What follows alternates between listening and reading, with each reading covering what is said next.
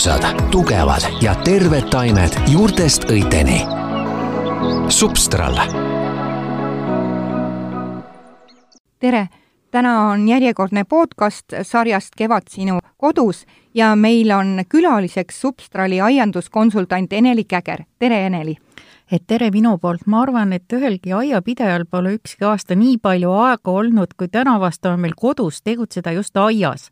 No mida nüüd teha, et nii nagu ma olen, ma olen vist nüüd viisteist aastat pluss eh, tegelenud siis substraali toodetega, eelkõige siis taimede väetamise või toitmisega, nagu öeldakse, ja eks mu töö olegi sellega seotud. ja väetamise kohta siis kõigepealt noh, esimene asi, mis meil muidugi meelde tuleb, et, et millal ma pean hakkama väetama. Et kui reeglina öeldakse, et noh, lume peale väetist ei panda, siis tänavast seda lund väga ei olnudki. ehk me jõuamegi selle juurde, et millal ja mida peaks hakkama väetama et kas sul on küsimusi mulle ette või ma räägin kohe ei, ei, ma tahaks kohe kõige algusest teada, et mm. äh, kahe tuhande kolmandast aastast on ju Substrali tooteid ametlikult toodud Eestisse Eh, mis on selle pika aja jooksul kas siis muutunud või kuhu väetiseturg on suundunud, mida sa, Eneli, näed? Eh, ma arvan, et eelkõige on muutunud eh, kõige rohkem võib-olla see, et meie noh, ütleme, et väetiste riiul on poes hästi pikk, et seal on neid nõndanimetatud vanaaegseid väetisi, noh, siin on ka korra sellest juttu, lihtväetised ja liitväetised, aga mm, tänapäeval võib-olla inimene ostab kõige rohkem väetist just pildi järgi et mida see tähendab? see tähendabki seda, et mul ei pea olema erilist aianduslikku haridust. ma lähen poodi, ma tean, mul on vaja maasikatele väetist, mul on vaja roosile väetist ja noh, see elupuu ekk näeb ka natukene niisugune imelik välja ja riiuli ees seistes ongi mul siis juba edasi võimalik valida, kas ma võtan mõne odavama mineraalväetise, korralikuma pikaajalise toimega mineraalväetisi või eelistan hoopis looduslikke väetisi, et tegelikult on inimestele see asi hästi lihtsaks tehtud. Nii et ikkagi ühest küljest on, et tarbija vaatab silmadega ja otsib siis seda ilusat roosipilti no see ka, aga sellega me jõuame jälle sinnamaani, et ma olen teinud hästi palju tegelikult ju aianduslikke koolitusi ja inimene kuulab siis selle ilusa pika jutu ära, et ma räägin seal roosiväetis, et kas ma panen siis nüüd suve jooksul teda kaks korda või ma panen ainult kevadel ja siis on natuke aega vaikus ja ta ütleb, aga teate, selle peal on kollased roosid, aga minul on punased. et ka seda võib juhtuda mida üldse tänapäeval tehakse teistmoodi kui ma ei tea, paarkümmend aastat tagasi või need vanad reeglid on ikkagi jõus? eks see olukord ole tegelikult just täpselt muutunud eh, selle tõttu, et eh, esiteks noh, mina ütlen niimoodi, et ega see väetise tehnoloogiad ja kõik need on täpselt nii, nagu raketiteadus tegelikult areneb meil meeletult kiiresti. et kui siin veel kolmkümmend aastat tagasi käis see väetamine ikkagi bioga, siis kui ma hakkasin Substrali aianduskonsultandi ja nende väetistega tegelema, siis ma üritasin esimesed aastad inimesi õpetada, et et tänapäeval ei väetata mitte bioga, vaid peaga. Ja esimesed paar aastat kulusidki tegelikult selleks, et inimesele selgeks teha, et kui te hakkate väetama, siis kõigepealt pöörake see pakend teistpidi, otsige üles kasutusjuhend ja kasutage vastavalt kasutusjuhendile.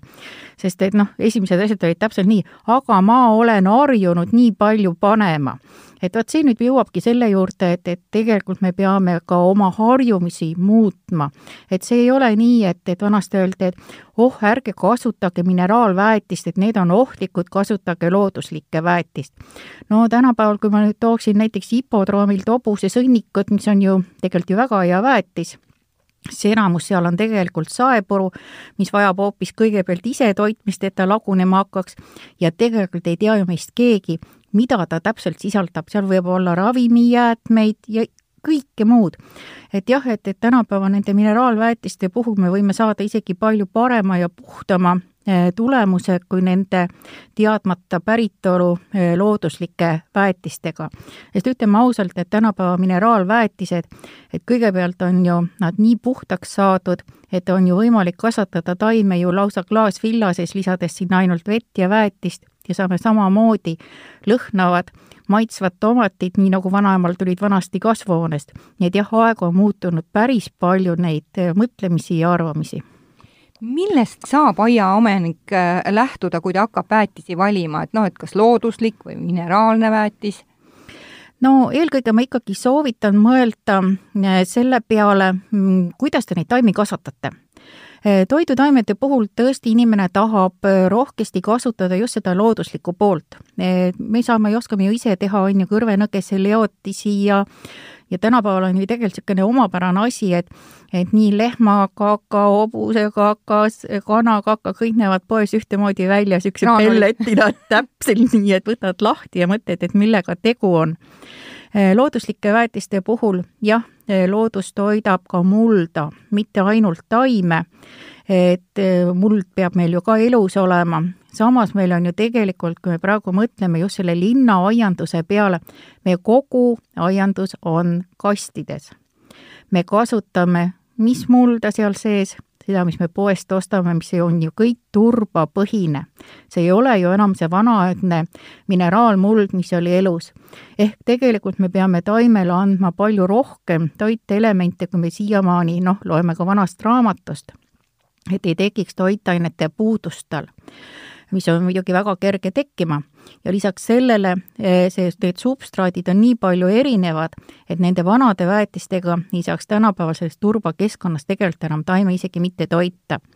Eh, köögivili, mida me kasvatame, on ju tegelikult ju lühiealine. me ju kevadel paneme maha, eh, sügisel võtame ülesse, hea küll, marjapõõsad, viljapuud, need eeldavad nagu niisugust paremat väetistega, nendel on ju juured mullas, et nemad saavad ju sealt ka äh, siis midagi ikkagi juurde. Äh, kogu väetamise põhimõte, kui meil, võtame, räägime teaduslikult poole pealt seda väetamise ajalugu, on ju ikkagi esimene reegel see, et me anname loodusele tagasi selle, mis me taimekasvatusega mullast välja viima, viime, et me ei saa minna selle peale, et ma olen harjunud kogu aeg võtma, ma tahan ainult võtta, ma ei anna mitte mitte midagi tagasi. ehk kui ma tahangi midagi kasvatada, siis ausõna, mitte millegist mitte midagi ei tule Eneli, ma tahtsin kohe vahele küsida, et kui meil tuli sellest turbamullast juttu, et võib-olla me peaksime ka seda mulda hoopis teistmoodi valima, et me ei peaks minemagi selle turba peale ainult või kuidas on? Kui me nüüd räägime nendest vanadest, noh, linnaaedadest, siis maapind on tegelikult nii palju täis puujuuri, et seal ei olegi võimalik seda köögivilja muidu kasvatada, kui me ei kasvata teda kastides. okei okay..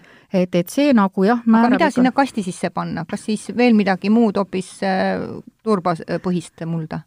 Jah, meil on olemas ka niisuguseid mineraalsemaid, niisuguseid köögivilja kasvatamiseks sobivaid muldasi, aga kui ma poodi lähen, kui ma vaatan, et üks pakk maksab, on ju, eh, kaks euri midagi ja teine kuus euri, siis inimene paraku valib selle noh, hinna sobilikuma, aga sellega seoses ta peab seda ka tihedamalt vahetama ja tegema.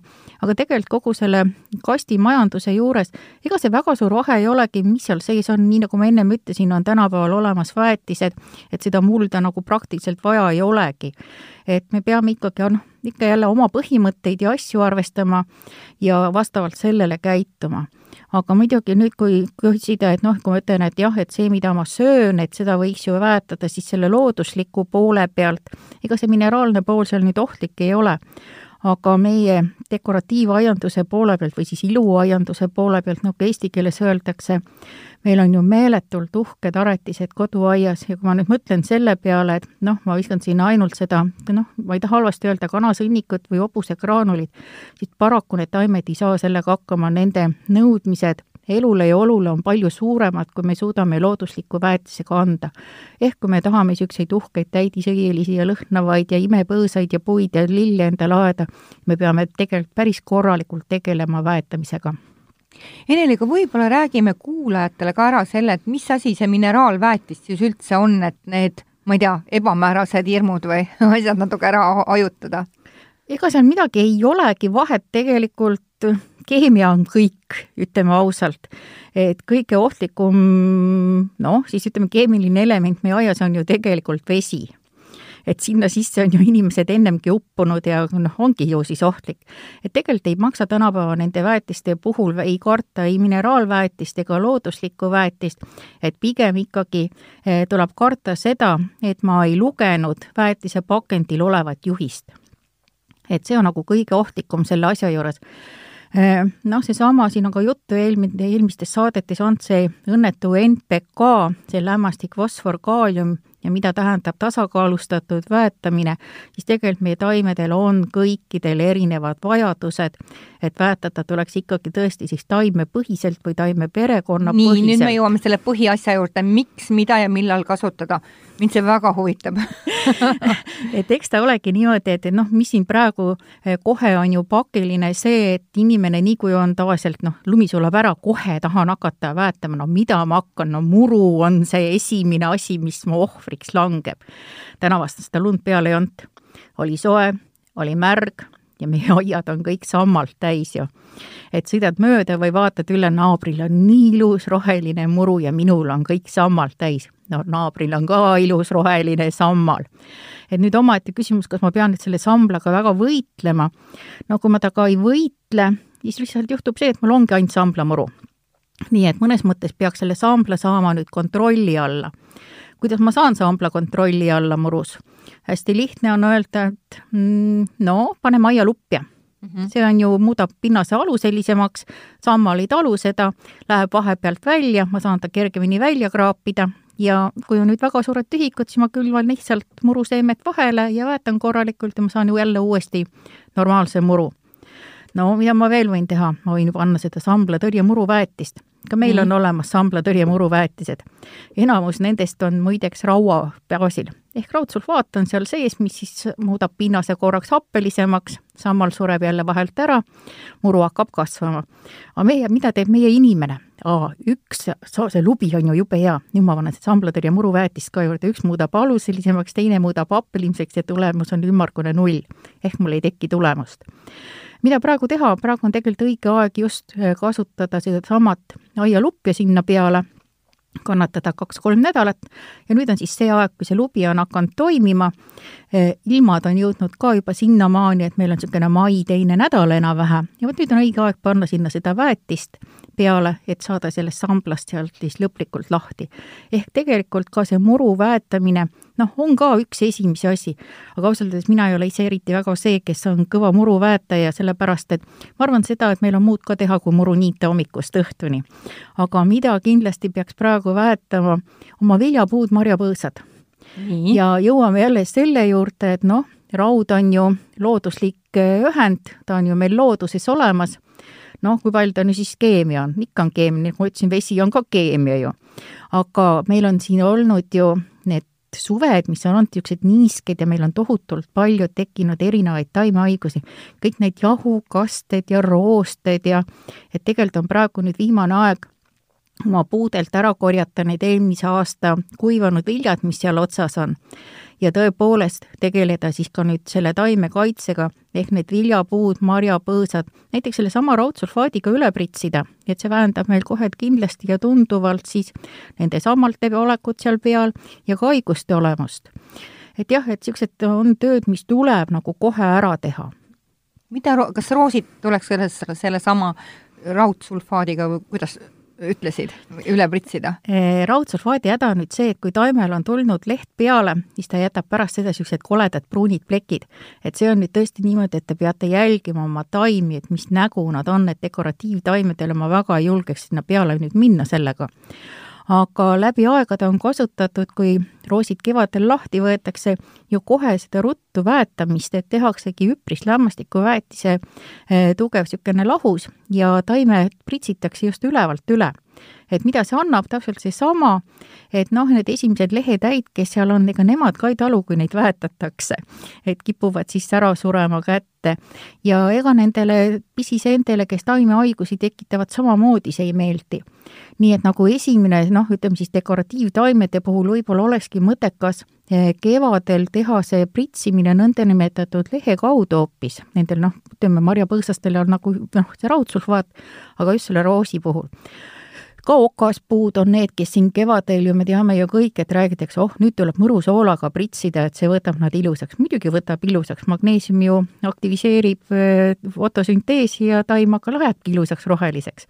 aga kõige sellega peab nüüd natukene mõtlema ja jälle pidurdan äh, seda tegutsemislusti. no kui Lõuna-Eestis ei tule tugevat öökülma, siis siin Põhja-Eestis ei ole mina üldse kindel, et meil veel maikuuses ei tule öökülm peale aga roosinoor võrse on külmaõrn. Sama juhtub ka mõn-, mõningate okaspuudega, näiteks hariliku kuusesortidega ja ka mõningate teiste kuuseliikidega, et kui ma ta nüüd kevadel suure hooga kasvama lükkan, tuleb öökülmakene peale ja võtab mul noored võrsed ära. nii et mõnes mõttes tuleks natukene eh, kannatada et kui siin nüüd ennem oli ka korraks meil siin omavahel jutt sellest, et, et noh, et millal ja millega hakata väetama ja kui kiiresti mingi asi mõjub, siis jah, kui ma panen nüüd näiteks eh, selle mineraalväetise mulda, see tuleb, on ju, sinna sisse ju segada ja olla, millal ükskord vesi selle lahustub, millal mullabakterid või mullanõrgad happed seal toimetavad, millal ta jõuab taime ülesse, see võtab kusagil niisugune kaks-kolm nädalat aega. nii et jah, graanulväetise võib mulda üpris varsti panna. et nende vedelate kastmisväetistega siis võiks nagu mõnes mõttes oodata, et mitte kohe tegutseda. samas me kõik teame ju, et mis meil seal mulla peal on, me ju kõik kasutame seda kooremultsi nii suures koguses. jätke endale meelde, et kooremultsi ei ole mõtet päätada. kui teil on tõesti multsitud pind, siis tõmmake see koorekate sealt pealt ära ja väetis läheb sinna multsi alla Substralil on olemas õnneks niisugune tore väetis, mis on Osmogoodi nimega. kuidas selle nimi on? Osmogoat. seda on siis jah, erinevatele äh, siis ütleme kultuuridele, et meil on, ma tean, meil on roosipildiga väetis ja aialillepiltidega ja viljapuud omaette ja tomatkurk omaette rododele, happelembestele, taimedele. et selle väetise eelis on nüüd see, et näiteks koduaias ma saan teha läbi selle multsikihi noh, ütleme kas või sa slõkivardaga või terava otsaga pulgaga augu multsist läbi mulla pinnast kusagil niisuguse viiekümne sentimeetri sügavusele ja panna selle väetise sinna alla, mul puudub vajadus siis kõike seda laiali tõmmata, selle väetise eelis on see, et ta ei põleta taimejuuri. Et seda saab rahulikult kasutada, kui me taimi istutame täpselt samamoodi, et praegu hakkab ju see suur istutusaeg pihta, kaevan augu, segan sinna juurde natukene poest ostetud mulda, panen väetise ja istutan taime paika. Sa võid ruttu küsida, miks ma sinna poest ostetud mulda pean panema. aga kui te vaatate oma seda taime, mis te poest toote, enamus nad on niisuguses turbases seguses kasvanud. ja kui ma nüüd võtan sealt välja ja oma aeda totsatan maha, mis siis, et mul hea muld on, siis see taim mõtleb mulle niimoodi, et hmm, ma olen kasvanud, kasvanud ju heades tingimustes, automaat kastis, automaat väetas, automaat tegi taimekaitset ja nüüd lükatakse mind tundmatusse keskkonda. mitte ükski taim ei lükka oma juuri tundmatusse keskkonda. ehk me peamegi tegelema sellega, et see ümbritsev muld, et ta saaks juurduda, sisaldaks väetist nii, nagu ta on harjunud saama, hiljem ta ei pea nii palju saama, kui ta on kasvama hakanud, ja et see substrat talle natukenegi tuttav oleks, kuhu siis juured edasi ajada väga põnevalt kõlab. Pole kunagi selle peale mõelnud.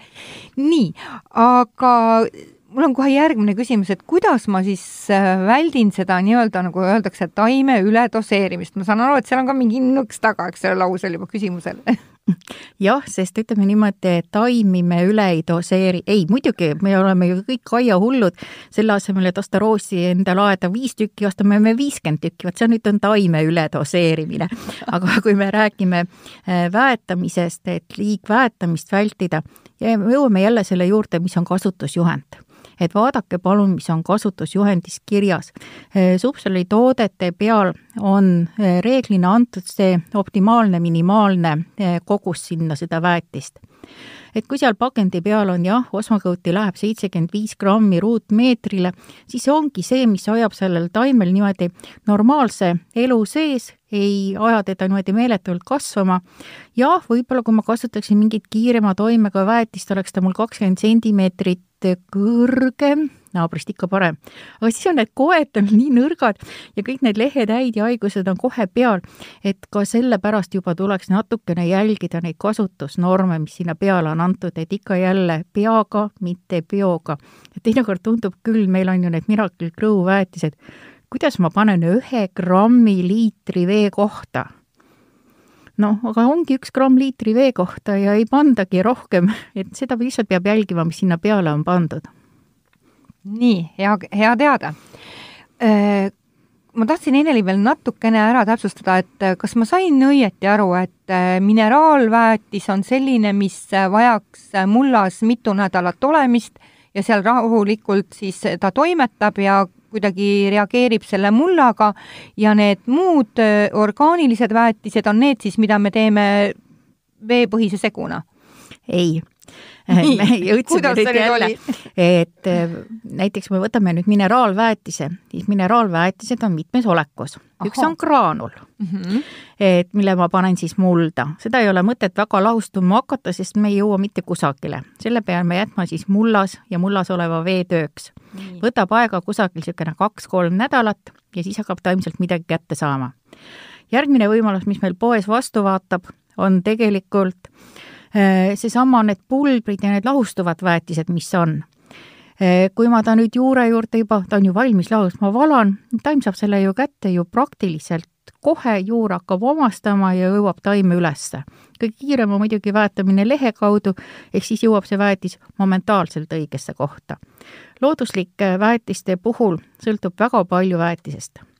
meil on olemas näiteks huumusväetised substraali poole pealt. et ongi, näeb välja jälle nii, nagu see traditsiooniline pellet, et tegelikult on siis sinna sisse pressitud, juurde lisatud on humiinapped, eh, mis siis tõstavad nüüd natukene, aktiviseerivad sedasama eh, mulla siis mikroorganismide elutegevust ja kaudselt siis eh, toimub siis parem nendesamade keemiliste väetiste või siis noh, seal ei ole tegelikult vahet, kas need on siis looduslikku päritolu või siis keemilist päritolu, toitainete omastamine, ehk taim saab selle paremini kätte.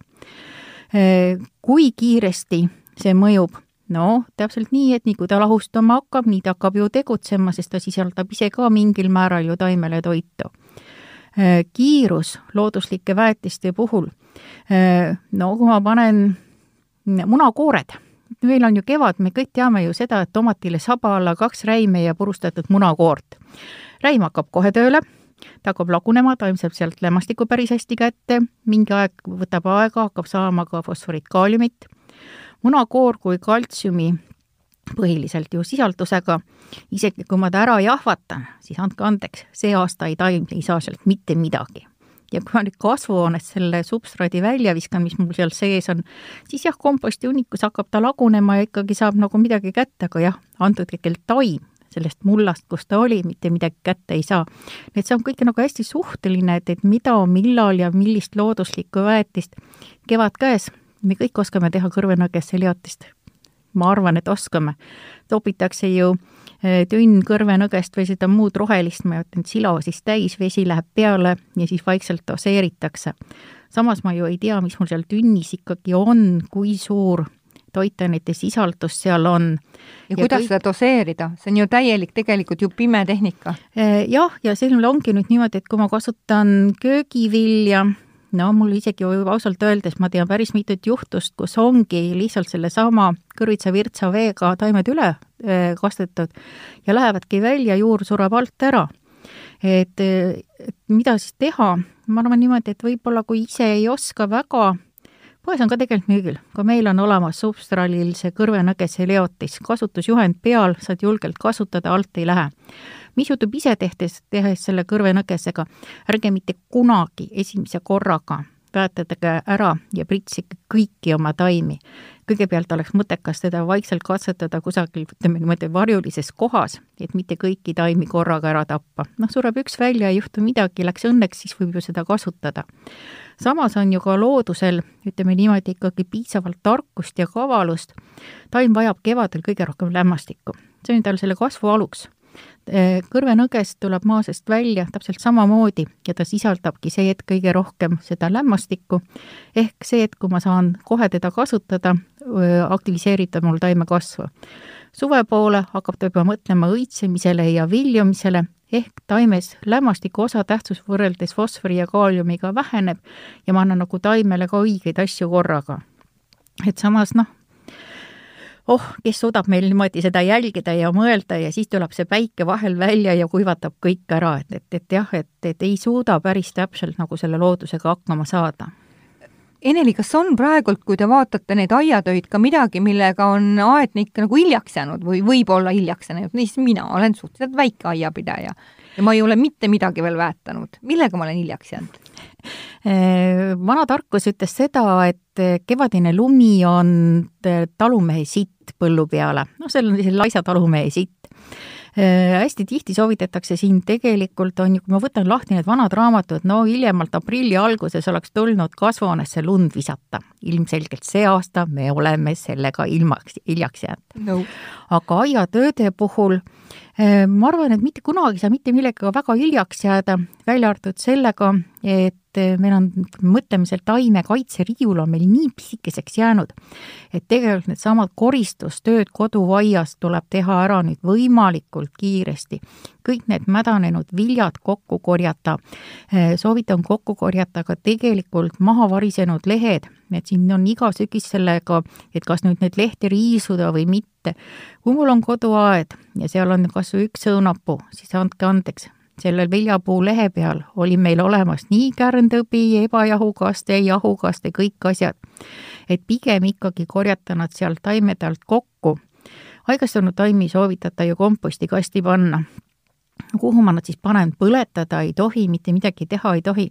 ma olen siin aastaid proovinud inimestele selgeks teha, aga võtke üks neljakümne liitrine pott et korjage nad sinna sisse kas või valage keeva veega üle. pärast seda võite ju rahulikult nad kompostihunnikusse panna, sest haigused on hävitatud. teine asi. nutikas mõte. jah, ja, ja teine asi, mis on, äh, lämmastik alati äh, soodustab äh, siis ütleme, lagunemisprotsessi et see on ka seesama, mis ma ennem ütlesin, et kooremulsi peale ei ole mõtet väetist panna, et siis ta hakkab ju lagunema. aga samas need lehed kokku korjata, riisuda ja panna nendesse ehitusprügikottidesse, need on need rohelised, natukene tugevamad kilekotid. ja kui nad nüüd sinna sisse on pandud, siis juurde panna mingit lämmastikurikast väetist, no ma ei taha looduslikku komposti, mis ma siis sinna panen, ma võin sellesama kõrvenõkese veega ju või kõrvenõkese lausest ehk veega ta üle valada. ma võin sinna juurde panna huumusväetist et kõik see toimib ja kui ta siis pealt kinni panna ja katta kindlasti tuleb kinni panna, sest muidu on meil need toredad varesed ju, kes kõik katki mm. kisuvad ja karjuvad iga asja peale praak et eh, siis ma saan ju tegelikult juba kusagil kahe aasta pärast ju seda rahulikult kasutada mm.. et jah, et muidugi ma ei pane teda nüüd uuesti sinna viljapuude alla, aga ma saan kasutada teda sama kas või selle elupuu ekki alla, ma saan kasutada teda multsimiseks igasse kohta. et on päris niisugune noh, ütleme mõttekas tegevus.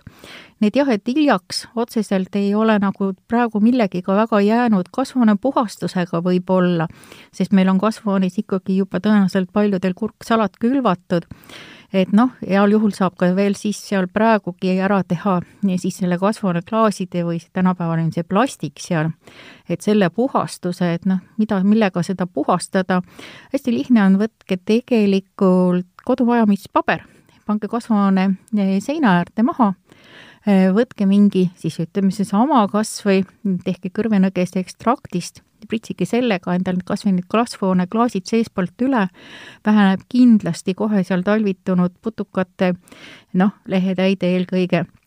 Eh, ja samuti seenhaiguste niisugune ütleme siis levimise vähendamiseks, et täiesti vabalt võib teha.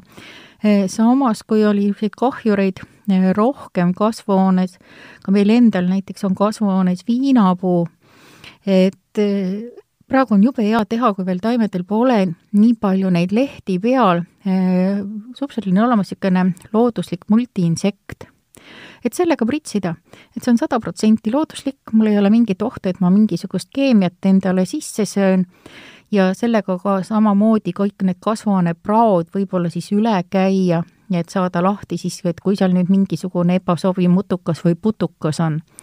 ja niimoodi suve jõudsime siin taimekaitse juurde. ma arvan, et iga eh, suvi on meil niisugune tõsine probleem, eh, punane sõstralehed lähevad vaata sellised kopra üles ja tõkivad sellised munased kublad peale.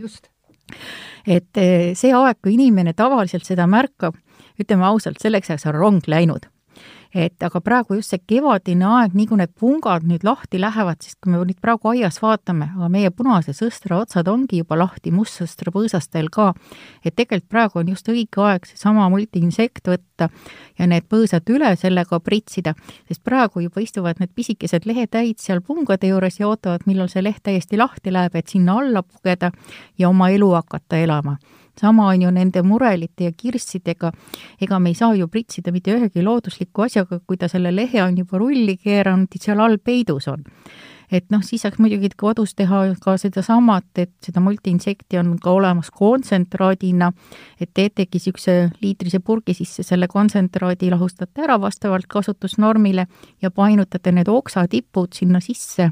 see saab samamoodi siis eh, lahti lihtsalt nendest lehetäidest ja asjadest, aga jah, muud moodi nagu väga ei saagi tegutseda.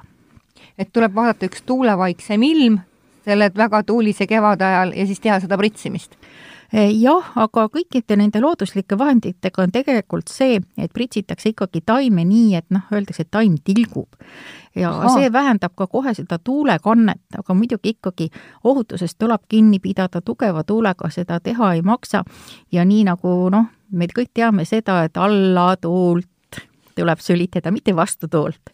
et ikkagi jah, et ükskõik, kui ma taas ja veega pritsin, eh, kas või olgu puhas vesi, no ega me ei taha seda vastu nägu saada, et, et ikkagi teeme nii, et me jälgime neid reegleid nii, et kui me siis ühest küljest oleme seda väetanud ja me vaatame ka seda taimekaitse äh, äh, poolt, siis mida tähendab looduslik taimekaitse? no seesama looduslik taimekaitse ongi äh, seesama kõrvenõges, seesama multiinsekt, mis meil on olemas, et need ongi siis mitte ei ole nüüd inimene eh, keemiliselt leidnud mingisugust ühendit, mis meil putuka kohe tapab, tegelikult ei ole ka keemia poole pealt mitte ühtegi vahendit, mis kohe putuka tapab. et kõik need taimekaitsevahendid, mis meil on, on ikkagi kontaktsed ja võtab aega, kui see mõjub, et, et ma alati naeran niimoodi, et et tegelikult ainukene niisugune, mis kohe tapab, on kärbselaks vaata, kärbes tuleb aknast sisse, ma teen selle prõks, kärbes kukub maha, surnud. aga teate, kõige kurvem on see, järgmine kärbes tuleb sisse ja naerab selle peale ja ei ole surnud. eks see nende taimekaitsevahenditega ole täpselt seesama ja meil on ikkagi olemas reeglid, et taimekaitsevahend peab olema kantud registrisse ja nii edasi, et kõik need looduslikud vahendid on meil siis ütleme, et hooldusvahendid, et ma ei tohi isegi nimetada, et see kõrvenõges on taimekaitsevahend või see meie multiinsekt on taimekaitsevahend. et need on ikkagi kõik niisugused looduslikud hooldusvahendid ma ikka naeran selle juurde niimoodi, et, et kahjuks kaasneb nende kasutamisel niisugused ebasobivad olukorrad, et väiksed jahukaste seened ei taha väga hästi pärast seda kasvada ja lehetäidel on pärsitud areng. et jah, et, et nii ta on, et meil on need seadused olemas ja neid tuleb jälgida, järgida, nii nagu väetamise pakendil on peal kasutusjuhend, on ka taimekaitsevahenditel ja nende hooldusvahenditel peal. et mis teeb nüüd natukene, jah, ma ei taha ju seda päris keemiat kasutada, eriti veel söögiasjade peal, aga kui see lehetäi mul sinna kurgile peale või oale tuleb, no siis ma kasutangi neid looduslikke asju, aga nende looduslike asjadega on paraku see, et eh, neid tuleb tihedalt kasutada ja ka neid tuleb vahendada. et ikkagi niisugune kord nädalas mõne asja puhul ka kolme-nelja päeva tagant tuleb seda asja teha uued tulevad juba peale, et ma peangi siis pidevalt sellega tegelema. see ei ole nii, et ma ükskord suve jooksul midagi pritsin ja süda on rahul? kahjuks mitte jah, et, et seesama, et siin on ju tehtud ju ja näidatud ju meil ju ka televisioonis ja kõikjal, et et kuidas need meie lehetäivarved jõuavad siit, lähevad Soome niisuguse tuulepahinaga, et kaasa, et et kõik ju liigub, et see ei ole nii, et ah oh,, mul oli see pirndil see näsarooste peal, need on need oranžid täpid, mis on et, et eelmine aasta mind natukene häiris see lausa, et et, et, et mitte pritsida ei ole vaja, aga puu on vaja maha võtta ja uus taim istutada aga need seeneeosed ju levivad viissada kilomeetrit, on nende puhul ju niisugune noh, mitte midagi. et kui naabriaias on ta olemas, siis on ta ikka minu aias ka olemas, et et tegelikult ma pean tegema oma koduaias kõik selleks, et mul pidurdada seda, et lahti ma ei saa tast nagunii aga jah, et just hoida seda. Ja muidugi ikka ja alati, ma ei väsi korrutamast, Substrali logo on ju ilusad terved taimed juurtest õiteni. Ja paraku ongi see, et kui taim tunneb end hästi, tal on piisavalt vett, tal on piisavalt süüa, siis on ta ka vastupidavam nii haigustele kui kahjuritele. Sellepärast et kui taimerakud on niisugused head, tugevad, siis ega see lehetäi ei viitsi mitte üks raas seal ponnistada, et oma seda iminokka sinna vahele ajada, seda taimemahla kätte saada, ta läheb paremaid kohti otsima, et, et jah, et, et hoidke oma taimi.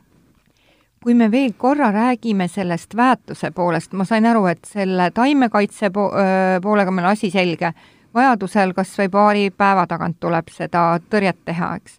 aga kui tihti tuleks väetada? Äh, väetamise puhul äh, substraalil on olemas väetise osmakõut, toime kuus kuud. kevadel panen ühe korra mulda, suvel pole vaja panna, sügisväetist pole vaja panna, järgmine kevad panen uuesti. kui ma võtan nüüd need graanulväetised, siis näiteks substraalil on sada päeva sari. Seal on olemas roosiväetis, okaspuude väetis, muruväetised, mis asi on sada päeva? sada päeva on ju meie tingimustes nagu poliitikas juba midagi. kolm kuud see tähendabki, et ma võingi enamus taimedele panengi üks või kaks korda suve jooksul seda väetist, sõltub jälle sellest, kui ahne keegi on. kes meil koduaias kõige ahnemad taimed on? elupuu, roos. ilmselgelt neid ma pean väetama tihedamalt ja tugevamalt. kui on sada päeva, siis nemad on kindlasti need, kes tahavad saada kaks korda süüa. Kui mul on niisugune eliitmuru, ilmselgelt ma pean seda ka siis ju, kui mul sajapäevane väetis, kaks korda väetama needsamad lahustuvad väetised, mis on, tema mõju on kusagil niisugune seitse kuni kümme päeva. ehk kui ma kasutan neid kastmisväetisi, siis ma peangi seda tegema tihti. et küsimuse peale, kui palju ma pean väet-, väetama, ma küsin, aga millist väetist te kasutate? ahaa, siin on ka siis sellised konksud juures. Eneli, ma tahtsin, nüüd me ju rääkisime ka sellest väetamisest ja ma kuulsin sellist asja, et sa ütlesid, et nagu sügisel ei olegi vaja väetada vot seesama nüüd ongi no me oleme harjunud sellega, et meil on kevadväetis, suviväetis, suveväetised, sügisväetis ja siis on ju veel talveväetis. Miks see kunagi tekkis, see tekkiski sellest, et meil olid need lihtväetised. kevadel põllumees pidi ju kündma, kultiveerima, äästama ja siis tahtis ju taim süüa saada väetised tuli anda kõik toitelemendid ükshaaval, tal ei olnudki muud võimalust ja enam aega ei olnud, ta andiski ruttu selle lämmastiku lämmastik ei püsi meil kuigi hästi mullas, taim sööb ta ära, ta aurub, ta läheb põhjavette, kui tulevad suuremad sademed, see oli tookord. Äh, suvel anti teist korda juurde, sellepärast et taim vajas ju uuesti süüa, sest see, mis anti, pidi, püsis ju mullas nii vähe aega. Ja sügisel, kui põllumehel rohkem oli, siis andis ta varuks ette järgmiseks aastaks fosfori ja kaalium, mis oma olemuselt püsisid paremini mullas noh, seal oli siis veel muid asju juurde, et kaalium oli meil hästi klooririkas ja siis me ju alati lootsime selle peale, et ah, sügisesed vihmad ja lumesulamusvesi eh, viivad siis põhjavette eest ära selle taimede kasvuks ebasobiva kloori. tänapäeval on meil olemas palju puhtamad väetised, meil ei ole vaja mõelda selle peale, et nüüd see vihmakene tuleks ja viiks meil nüüd sealt midagi ebasobivat kusagile sügavamasse veekogusse ükskõik kus kohta ja kui ma suudan anda eh, väetise, noh, seesama osmokõud, seal on tegelikult kogu meie kasvuperioodiks need vajalikud toitelemendid taimel olemas. see tähendabki seda, et ma väetan üks kord ja mul ei ole vaja mitut korda väetada. väga hea, aga Eneli, meie saateaeg hakkab eh, ühelt poolt siin otsa saama, et eh, kas on veel midagi, mida sa tahaksid öelda kuulajatele või midagi, mis jäi võib-olla tähelepanust äh, nagu rohkem välja? Ma arvan seda, et jälgige oma taimi, sest tegelikult taim reedab päris hästi, kas ta tunneb end ilusa, terve ja tugevana või mitte. kui tal on ikkagi lehed niisugused kollakad ja naljakad, siis ilmselgelt on tal mingi mure. Ehm, reeglina noh, tõenäoliselt me ei ole teda siis andnud kas piisavalt süüa, juua, et ja vastavalt sellele tegutseda. ja ükskõik, millist väetist te kasutate, kasutate, vaadake kõigepealt poest, kui te ostate väetise, mida ta sisaldab ja vastavalt sellele siis ka kasutage. sest tõepoolest, et kauplustes on, võtame kas või seesama roosiväetis, on väetised, mida tuleb iga nädal kasutada, on väetised, mida tuleb paar korda suve jooksul kasutada ja sügisväetist veel juurde, ja on väetised, mis tõepoolest siis rahuldavad taime kogu selle kasvuperioodi vajadused, et panetegi ühe korra nii et ikkagi lugeda, lugeda, lugeda. Jah, ega, ega midagi üle ei jää, et, et ma võin siin ju lõpus öelda seda, et, et rääkides aastaid ja aastaid seda, et, et vaadake kasutusjuhendid, siis siin paar aastat tagasi juhtus niisugune tore asi, et, et kaks noort inimesed, inimest seisid siis kaupluses eh, leti ees ja vaatasid siis seda väetisepakendit sealt teiselt poolt, üks, üks ütleb teisele, tead, ärme seda väetist osta, vaata, kui keeruline kasutusjuhend väetada tuleb neljapäev, pühapäev, kolmapäev aga selle mõttega on meil hea täna lõpetada saade ja kevad sinu kodus äh, käis rääkimas meile Substrali aianduskonsultant Eneli Käger ja mina olen saatejuht Juuli Nemvalts, jääge ikka meiega. ilusad, tugevad ja terved taimed juurtest õiteni. Substral